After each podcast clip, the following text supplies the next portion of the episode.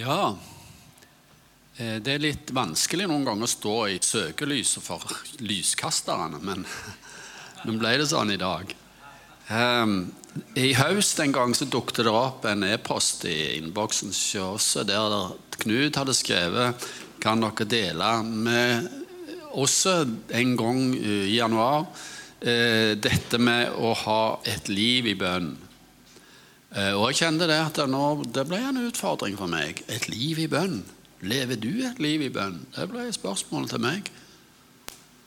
Men iallfall så har vi tatt utfordringen og prøver å dele litt med det som vi har opplevd, og det som vi har sett i Guds ord spesielt. Det skal jeg iallfall ta nå.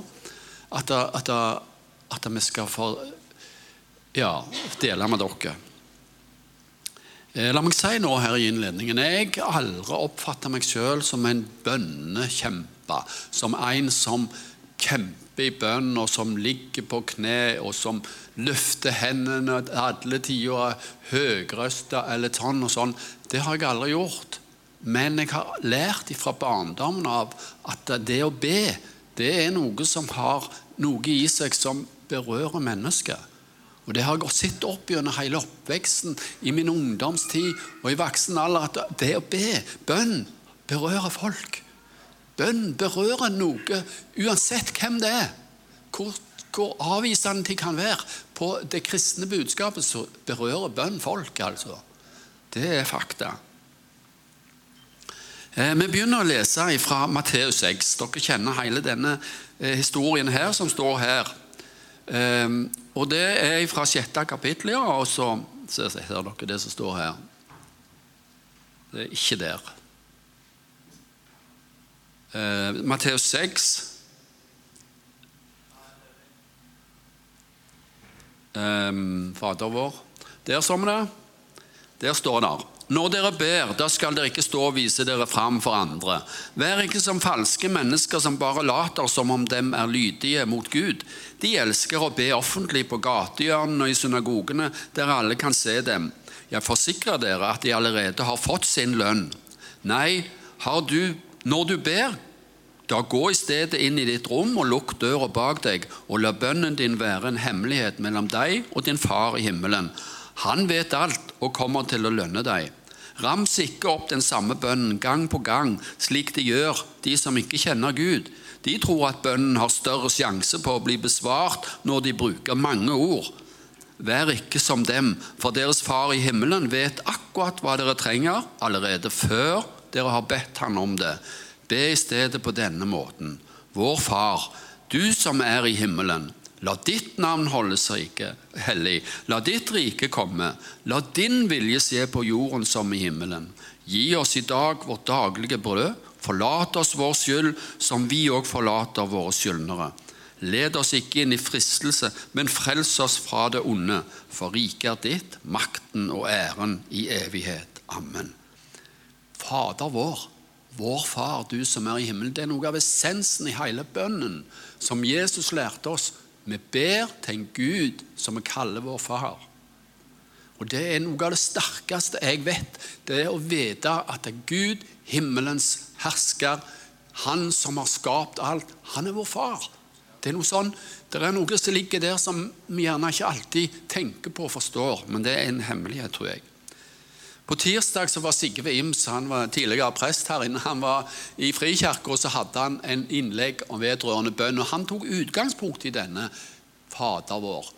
Dette Fader vår. I og med han var der, og det var jo fordi at han da ville inspirere oss til bønn. Og han, han tok fram eksempler at hvis du ikke har noe annet å be om, så be ut ifra Fader vår de setningene som var der. Um, jeg går over til et annet gudsord, og det er fra 2. Peters brev 1. Der står det, første kapittel, første vers, hilsen fra Simon Peter, som er tjener og utsending for Jesus Kristus, til alle dere som har fått den samme verdifulle tro som vi, takket være alt godt i Jesus Kristus, vår Gud, som frelste oss. Jeg ber om at Gud vil vise dere godhet, og at dere for hver dag mer og mer blir fulgt av Hans fred, ved at dere lærer å kjenne Gud og vår Herre Jesus Kristus.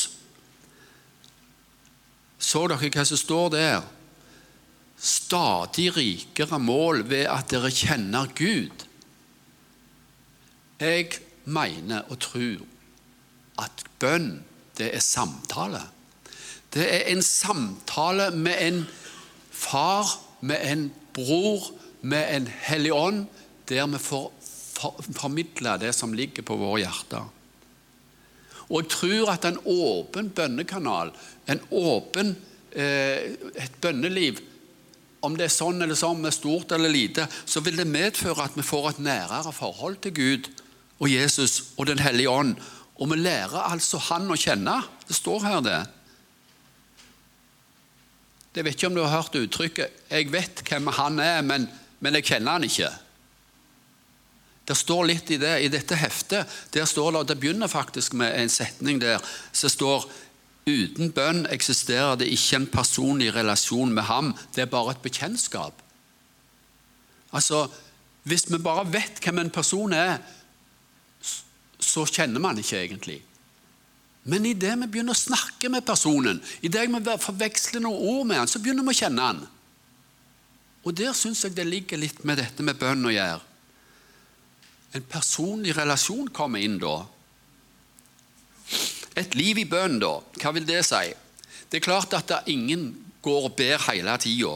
Ja, ja, det kan jo være noen som har det veldig på hjertet. Hva sa Ja. Eh, det er ingen eh, Jeg tror det er bevisst, eh, dette med bønn, men, men det er viktig at at vi kan vite at bønn er viktig i alle situasjoner i livet. Jeg syns det i hverdag og helg så kan vi be til Gud og snakke om alt. Og, og, og det er noen ganger vi gjerne kan tenke Kan vi blande Gud i alt, da? Eh, det var en historie sist søndag her om en som hadde gitt noen penger til Guds sak. Men det var en annen historie som går ut på Jæren. Det var et bedehusstyre som hadde bestemt seg for at de skulle fikse et eller gjøre noe, og, og, og de skulle kjøpe noen nye stoler. Jeg husker ikke alt det der. Men en, en annen mann sa han, kan vi ikke legge dette fram for Gud? Så sa han lederen jeg tror ikke vi blander Gud borti det. Og det tror jeg ikke er riktig å tenke sånn. Gud kan vi blande bort i alt kan blande han bort i vårt liv, i våre nære mennesker, i våre relasjoner, til våre unger, til våre barnebarn, alle som vi treffer, vår menighet. Det som skjer i hverdagen. Av og til så jeg er litt sånn, av og til så mister jeg skrua, og jeg finner ikke igjen. Ikke ser jeg godt, ikke lukter jeg godt. Nei, jeg mener altså, eh, Og, og da, da, sier jeg til Gud jeg finner ikke igjen denne skrua, kan du hjelpe meg? Jeg er nokså enfoldig sånn. Den kan ha falt ned på garasjegulvet. Ikke snakk om å finne meg. Vet du hva? Jeg har opplevd så mange ganger Vi har noen hjelpere. Jeg skal ikke komme inn på det med engler, men jeg tror veldig på engler. Jeg. jeg tror ikke vi skal si vi blander ikke Gud borti det. Jeg tror vi skal tenke sånn at Gud kan vi blande bort i alt. Han som er vår Gud, han som er vår far. Vet du hva, det er én ting etter jeg etter jeg ble eldre, så har det gått opp for meg at det som er veldig viktig når det gjelder ditt, mitt forhold og i bønn og alt sånn, det er å be Gud om visdom. Visdom er et ord som kanskje Hva er visdom? Men, men, men, hvis du begynner å tenke litt hva visdom er, så er det sånn at vi skal få vis, vishet i mange situasjoner i livet der Gud kan bruke oss og så be om ting som, kan, ja, som Gud legger ned i oss, f.eks. Og i første kongebok Jeg, jeg må lese, det, det er kanskje litt langt, men jeg tar gjennom det. Der er det en mann som heter, eller en konge som heter Salomo. Salomo var den tredje kongen i rekka av konger i Israel i den tida. Saul ble først konge, så ble David konge, og så fikk han Salomo og var den kongen som ble etter David.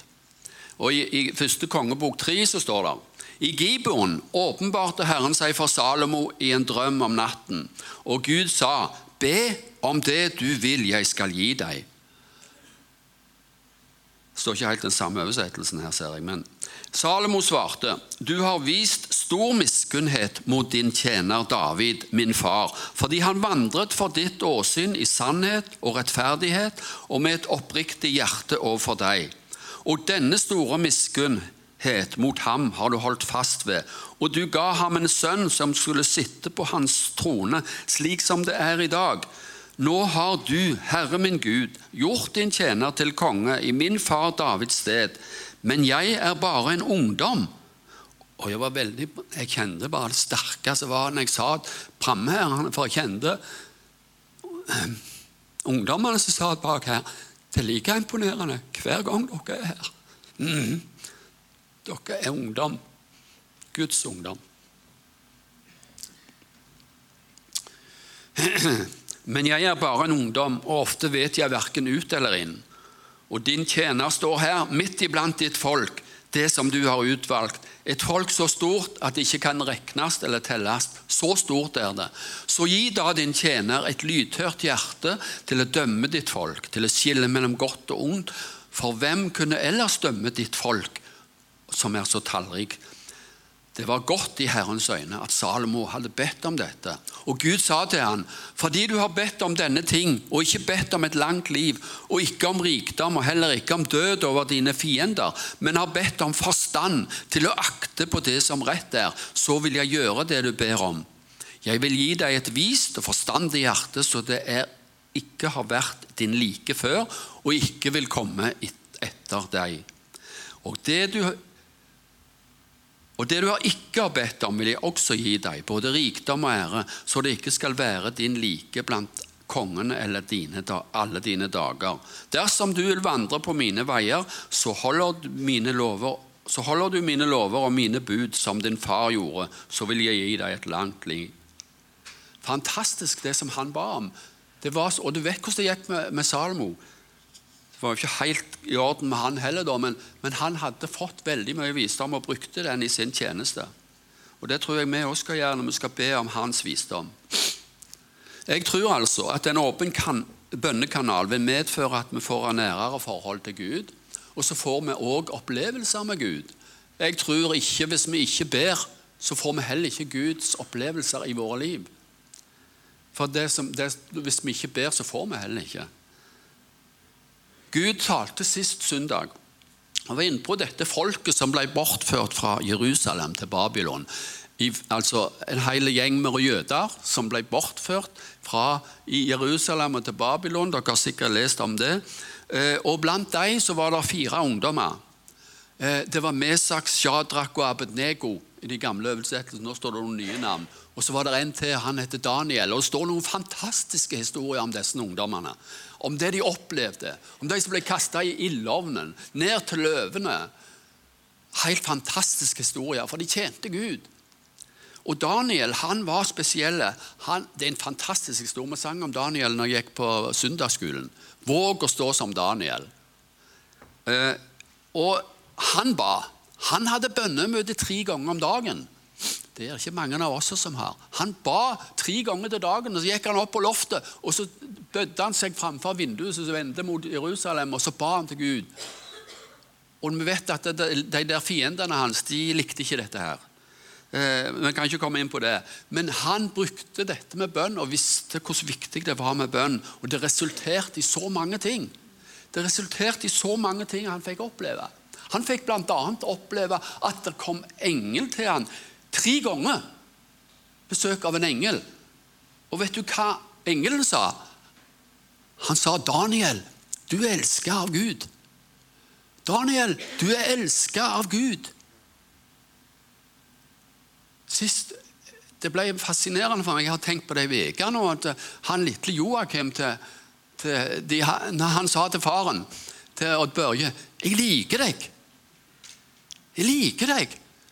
Jeg tror det Gud sier til deg òg. Jeg liker deg. Om du ikke ber mye eller om du ber lite, det har ikke noe med saken å gjøre. Han liker deg. Han er glad i deg. Han elsker deg.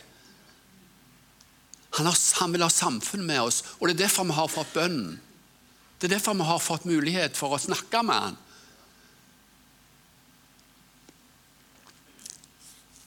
Så er det løfter ved bønn. Det er jo det òg. er sant at det står mange plasser at det skal, det skal skje ting når vi ber. I Filipperbrevet 4, 6-7 Det har du ikke på skjermen, Johannes. Jeg leser det som står i En levende bibel, oversettelsen.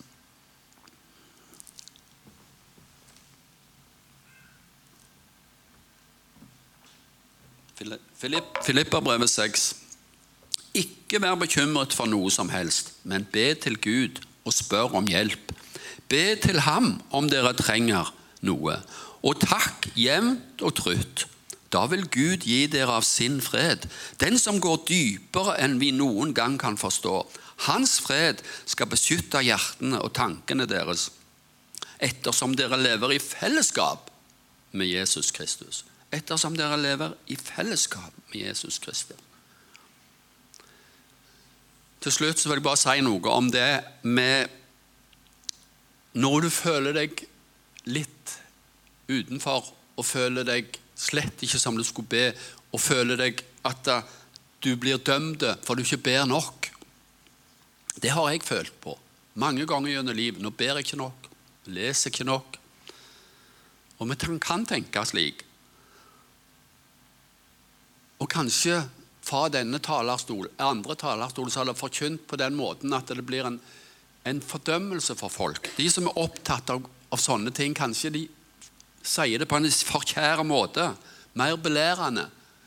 Jeg vet ikke, men kanskje vi skal få kjenne i våre indre mennesker at det har ikke noe med det å gjøre. Vi kan komme til Gud med alt. Det er ikke noe fordømmelse for, han, for deg som er Jesus Kristus. Vi lever ikke i en gjerningskristendom. Bønn er et tilbud. Vi har en far og en bror i himmelen som hører oss, og som har sendt Den hellige ånd og engler til denne jord. Det står der at det er tjenende ånder. Han hjelper oss. Han som er vår tilflukt. Svarer da Gud på alle bønnene? Nei, det ser ikke sånn ut. Det ser ikke sånn ut for oss. Han svarer ikke sånn som vi kan se det, så svarer han ikke på alt vi ber om. Men som Reinhard Bonke sa en gang Det har jeg lest flere ganger, det sitatet. Skal vi slutte å be for syke fordi alle ikke blir helbredet? Nei, vi skal ikke det. Vi skal fortsette fordi vi har fått et pålegg eller en tilbud om at vi skal be. Og da er det Guds oppgave å gjøre de tingene som han har i sine tanker. Og så er det en ting til som jeg har vært fascinert av i det siste. og det er at Kan vår bønn forandre Guds tanker og planer? Det er ganske fascinerende. det, fordi at eh, Hvis du tenker på at Gud er allmektig, han vet alt, han vet hva skal skje i framtida, så kan hva hjelpe det noe å be? Han vet jo alt, eller kanskje det er forutbestemt. Men det står så mange plasser i Bibelen at det var ting som skjedde som han ikke hadde tenkt, og han, hadde, han, sa både til Abraham og Moses at ja, jeg skal utslette hele dette folket. Jeg vil ikke ha noe med dem å gjøre. De er så ugudelige, og det er forferdelige greier. Og de, så, de, de, har forlatt meg. Men hvem var det som ba? Jo, Moses ba. Du må spare dem. Gi dem en sjanse til.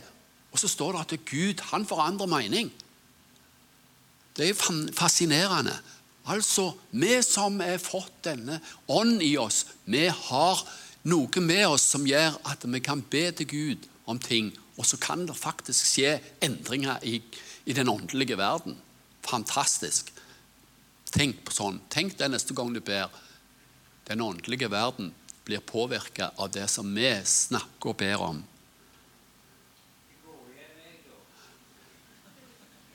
Ha det godt, Rolf. Et liv i bønn for meg og deg for deg og meg. Margunn, du har lösningen.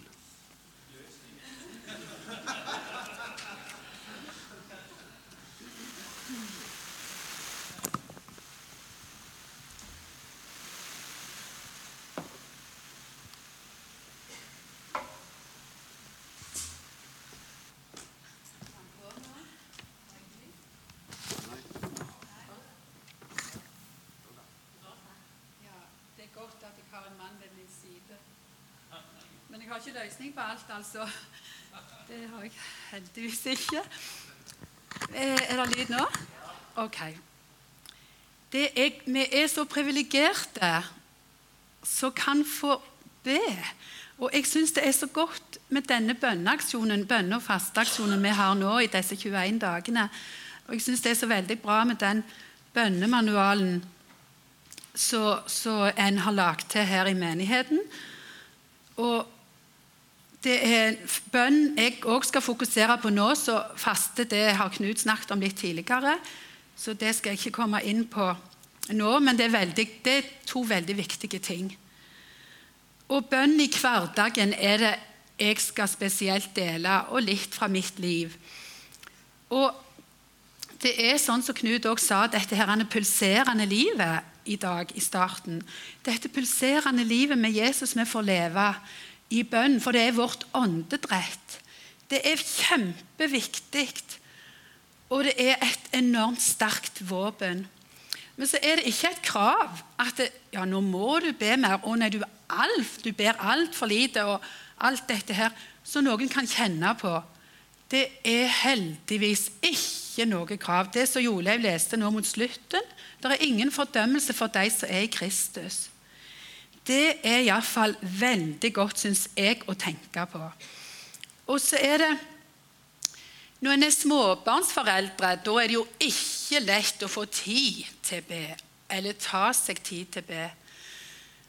Da er det alt mulig som kommer inn og forstyrrer. Men det er ikke snakk om at en er noe mer kristen for der en ber, mye, eller du er lite kristen og du er mye kristen. Det er ingenting som heter det. Enten er en kristen, eller så er en ikke. Har en tatt imot Jesus, sagt ja til han, så er en kristen. og punktum. Og så har vi fått denne muligheten til å være i bønn innenfor Far i himmelen. Og det er fantastisk privilegium. Og dette med å, vi får gi dette her videre til neste generasjon. Vi får lære dem opp til disse gode vanene. Og hjemme i heimene da vil jeg oppmuntre alle til å bruke bønn. Fra, be for ungene fra de ligger i magen og til de, når de blir født, og videre opp. Og lære dem å be. Og sitte ned med dem og la dem få be noen setninger, høre sin egen stemme. Be. Det da vil de seinere i livet, når de kommer opp i vanskelige ting, så vil de tenke å ja, jeg kan jo be til Jesus. Om de har kommet på avstand fra ham, så er det sådd noe, og det kommer aldri til å forsvinne ut av sinn og tanker. Det ligger der, og de vil bruke Jesu navnet når det er blitt naturlig fra de er små i heimen. Så det er kjempeviktig, og enda mer viktig nå når ikke alle går på søndagsskolen, sånn som vi gjorde når jeg vokste opp. Og, og ikke vi får lære noe i skolen, bønner og bibelvers. Så er det kjempeviktig i denne tida. Det med utholdenhet i bønn det er òg en ting jeg vil ta litt fram. For det kan være vanskelig når vi ikke kjenner dette her, at vi ikke får dette svaret vi ønsker sånn med en gang. Og så går månedene, så går åra. Og da er det at vi blir sett på en veldig tålmodighetsprøve. Men det er sånn at vi får styrke til å gå og være utholdende i bønn. Det er Jesus ved sin hellige ånd som skal hjelpe oss til det. Det skal ikke være et kav og et sled. Og Det er dette livet vi får leve. altså Til mer vi kommer inn for Jesus, til mer interessant blir det, og til mer ivrige vil vi bli. For vi vil kjenne at dette var godt, jeg vil ha mer av det. Mer av Jesus. Og jeg er vokst opp i en kristen heim.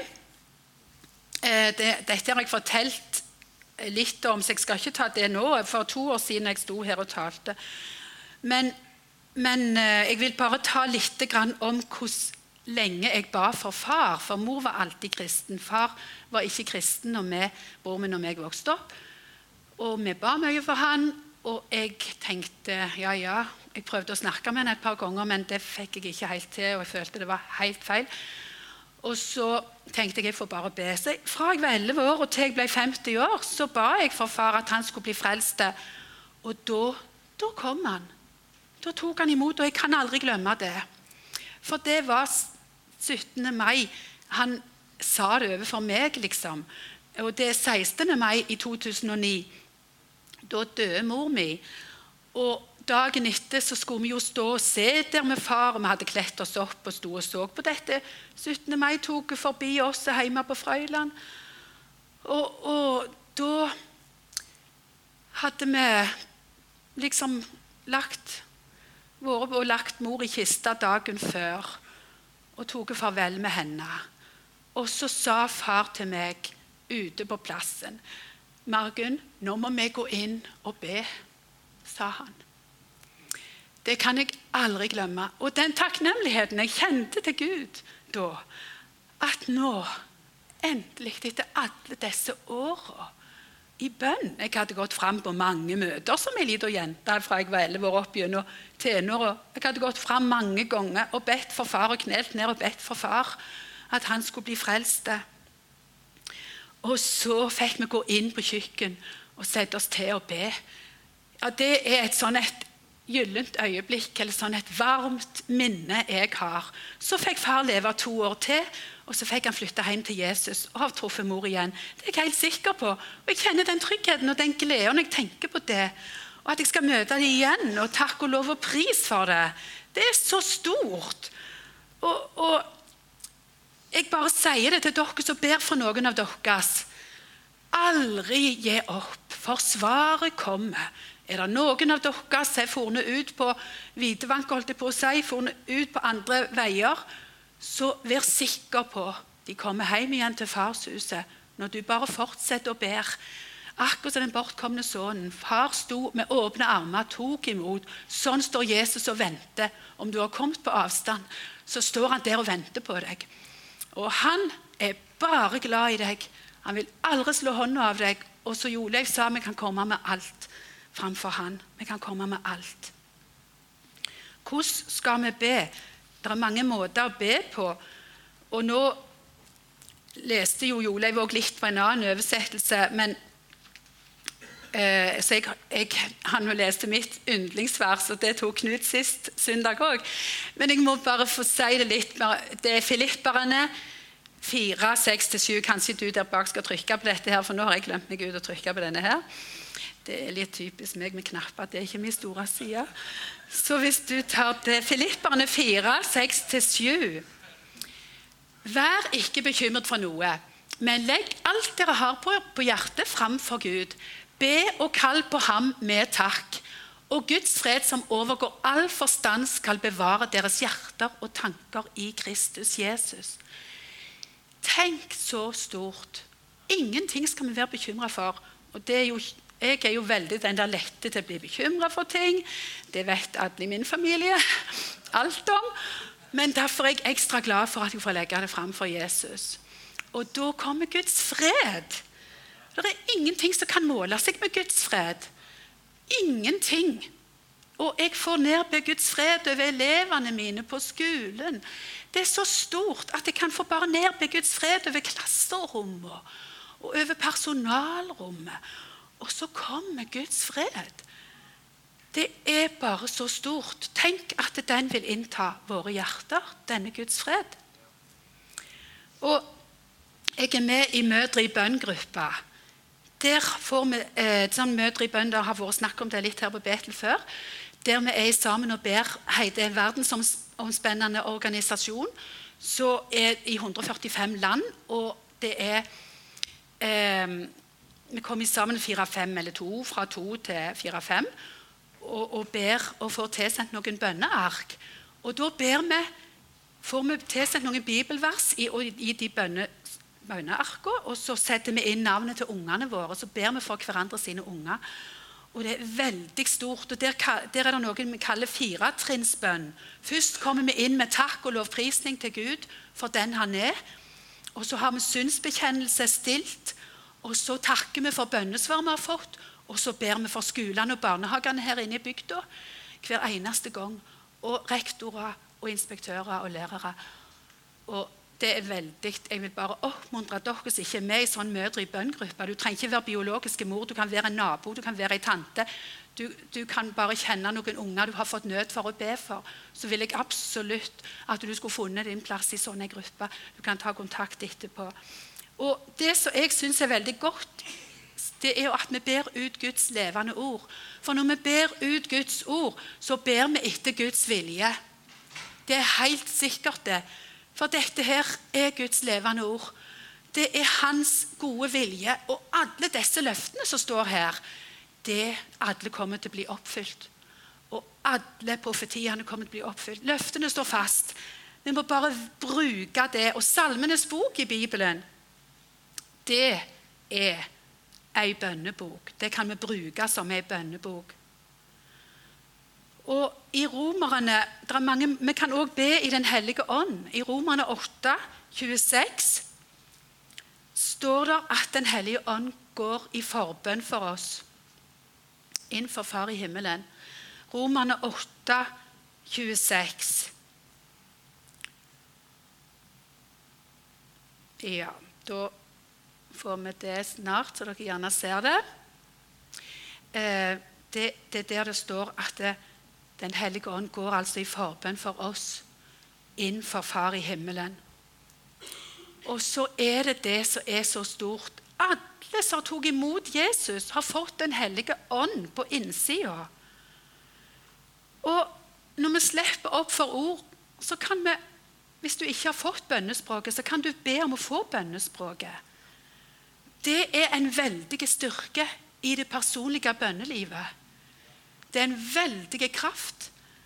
Og det er Den hellige ånd som ber og bruker vår tunge.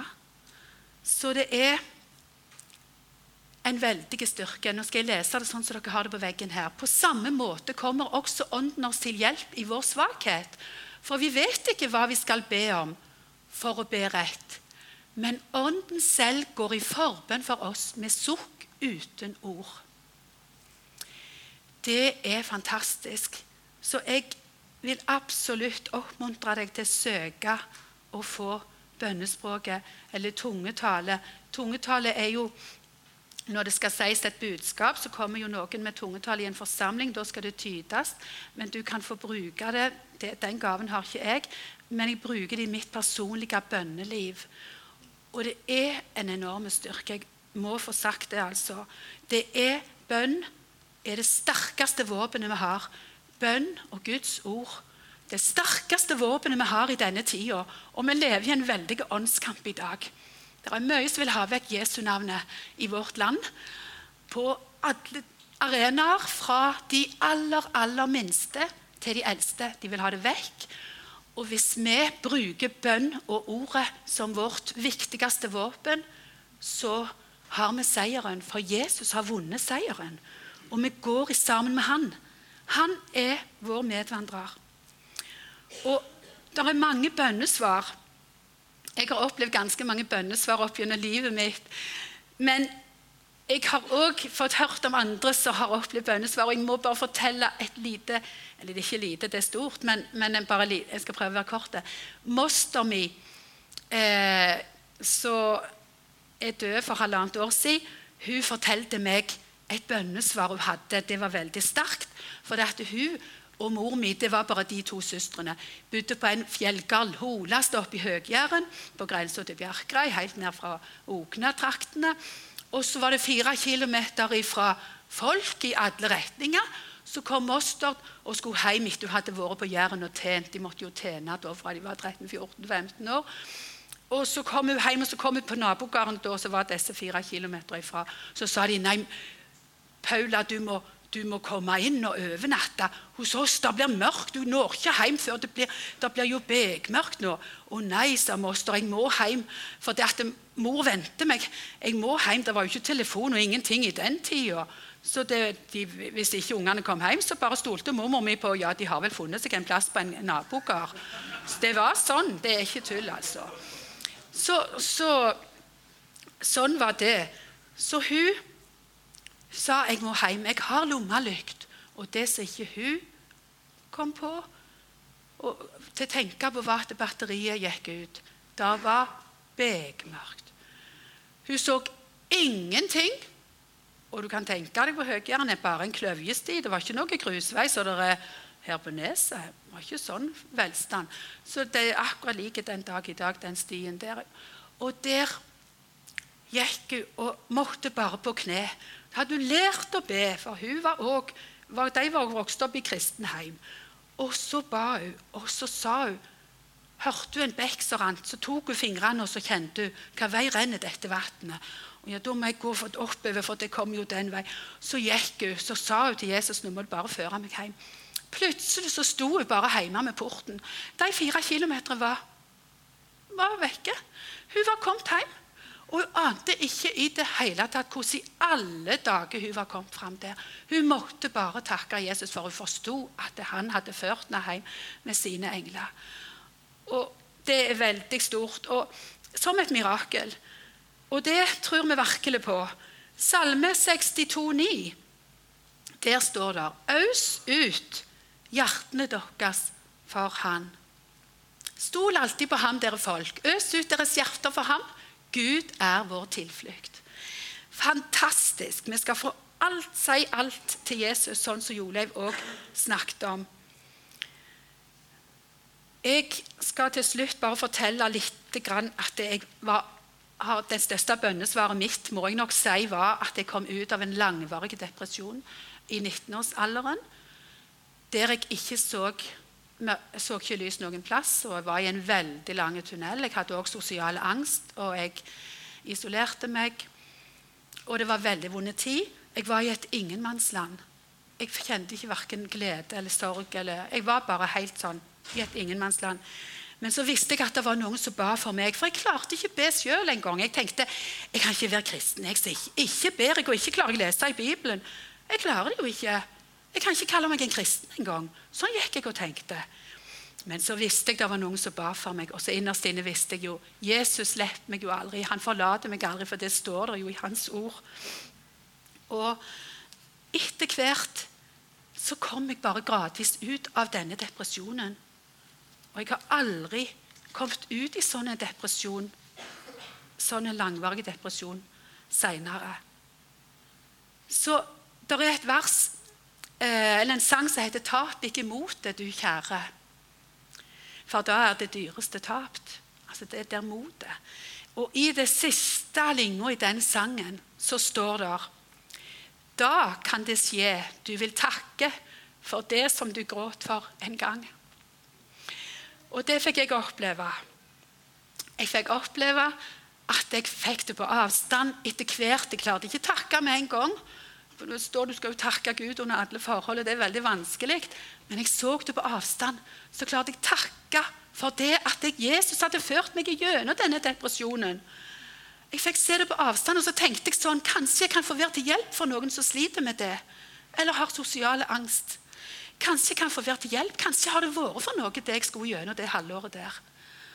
Så jeg klarte å takke for det som var så fælt. Og i takken er det altså en hemmelighet. Takken. Det er ikke for ingenting at vi skal komme fram for Gud med takk. For vi skal, vi skal få starte dagen med takk. Og vi I Mødre i bønn jeg sa også, vi starter med takk. Takk til Gud for den han er. Takke han. Takke for det at du får den dagen du får om morgenen, og at be han å bare velsigne dagen, at du får møte de folka Jesus vil du skal møte, og at du får si til de folka det du vil, det han vil du skal si. Det er kjempegodt. Og så er jeg veldig glad for korset. Jeg er veldig glad for det henger her. Det er korset. Det er kraft i korset.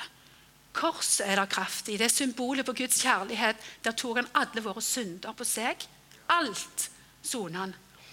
Og det er nåde ved nåde at vi får kalle oss hans barn. Og det er vårt hovedsymbol. Og der står i en sang Joleiv og meg skal synge til slutt nå Korsets kraft, det kan vende hat til seier. Og vi får tilgivelse for alle våre synder. Og jeg er veldig glad i en sang som heter 'Alt for Jesu fot jeg legger'. Den har vi sunget mye her. Det er noe med den overgivelsen til Jesus. Få gi over alt til Han. Få gi det. Ikke holde noe igjen. Og du tenker 'Nei, dette her, må, jeg, dette må jeg ha kontroll på sjøl'. Dette må jeg ikke si. Nei, dette kan jeg ikke be om. Alt skal vi få overlate. Alt. Så det står i refrenget på den sangen 'Jeg vil gi deg alt'. Du skal råde, kjære frelser. Jeg vil gi deg alt. Vi bare skal få kapitulere med alt vi har. For Jesus skal overta, og han er sterk. Han er med oss hver dag, hvert minutt på hver en dag i livet ditt. Er Jesus med deg? Enten du kjenner det eller ikke, så er han med. Og helt må jeg bare få fortelle helt til slutt, før vi skal synge, at jeg er veldig glad jeg fikk lære at Anna og Dagfinn å kjenne, som er mor og far til Lene, så de er døde for noen år siden òg. Svigerforeldrene til Odd Børge. Og jeg hadde de i bibelgruppa, så jeg har ledet med de eldste av alder her i menigheten som jeg har ennå. Men jeg kan ikke glemme det noe de fortalte. Og vi hadde det så rikt med dem, så vi savner de veldig. Og det er at de tok på seg Guds fulle rustning hver dag. Hver dag. Så leste de fra Efeserne 6, 10-18. De kledde på seg Guds fulle rustning hver dag for å stå i denne kampen og holde Jesu navnet opp. Og ikke bøye unna for noen ting, men holde det fram og at Jesus skulle være med dem. Og det vil jeg bare lese Det skal jeg bare ta Ja, jeg skal, jeg skal lese det hvis jeg har tid til det. Til slutt Bli sterke i Herren. Nå leser jeg fra nynorskbibelen min, så kan det komme at det er vilt på veggen der. Bli sterke i Herren, i Hans veldige kraft. Ta på deg hele Guds rustning, så det kan stå faste mot djevelens listige åtak.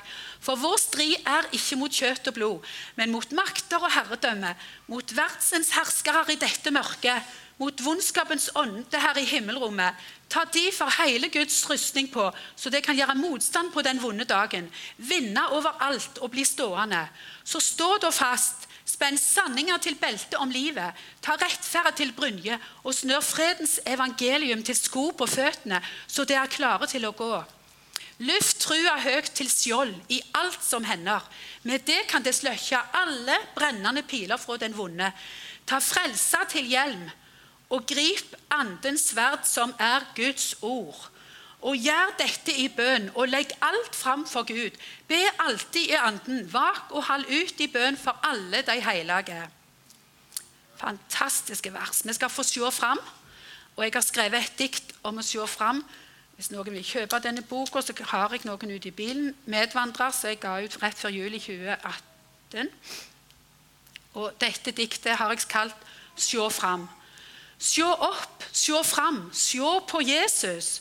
Vend øynene fra ting rundt deg her. De vil bare knuke ditt hjerte og ikke se lys der han er. Ja, Jesus han strekker ut handa og sier, 'Kom hit, kjære venn. Jeg døde og bar dine bører, og snart så kommer jeg igjen.' Vi ber, 'Ja, kom snart, Herre Jesus. Hjelp oss og fram mot deg sjå.' For du er jo lyset og livet. Takk, Herre, til deg kan vi gå. Jeg priser deg, Jesus, for at vi får ha denne bønneretten. At vi får gå inn for de troende hver dag og få be til deg. Takk. Så ber jeg Jesus at du vil røre ditt folk i Norge. Rør ditt folk her i Hummersåk. La meg komme inn i dette pulserende livet i bønn. Jeg ber i Jesu navn at du fyller oss med din kraft, og jeg takker deg for livet med deg. Rør ditt folk igjen, Herre. Amen.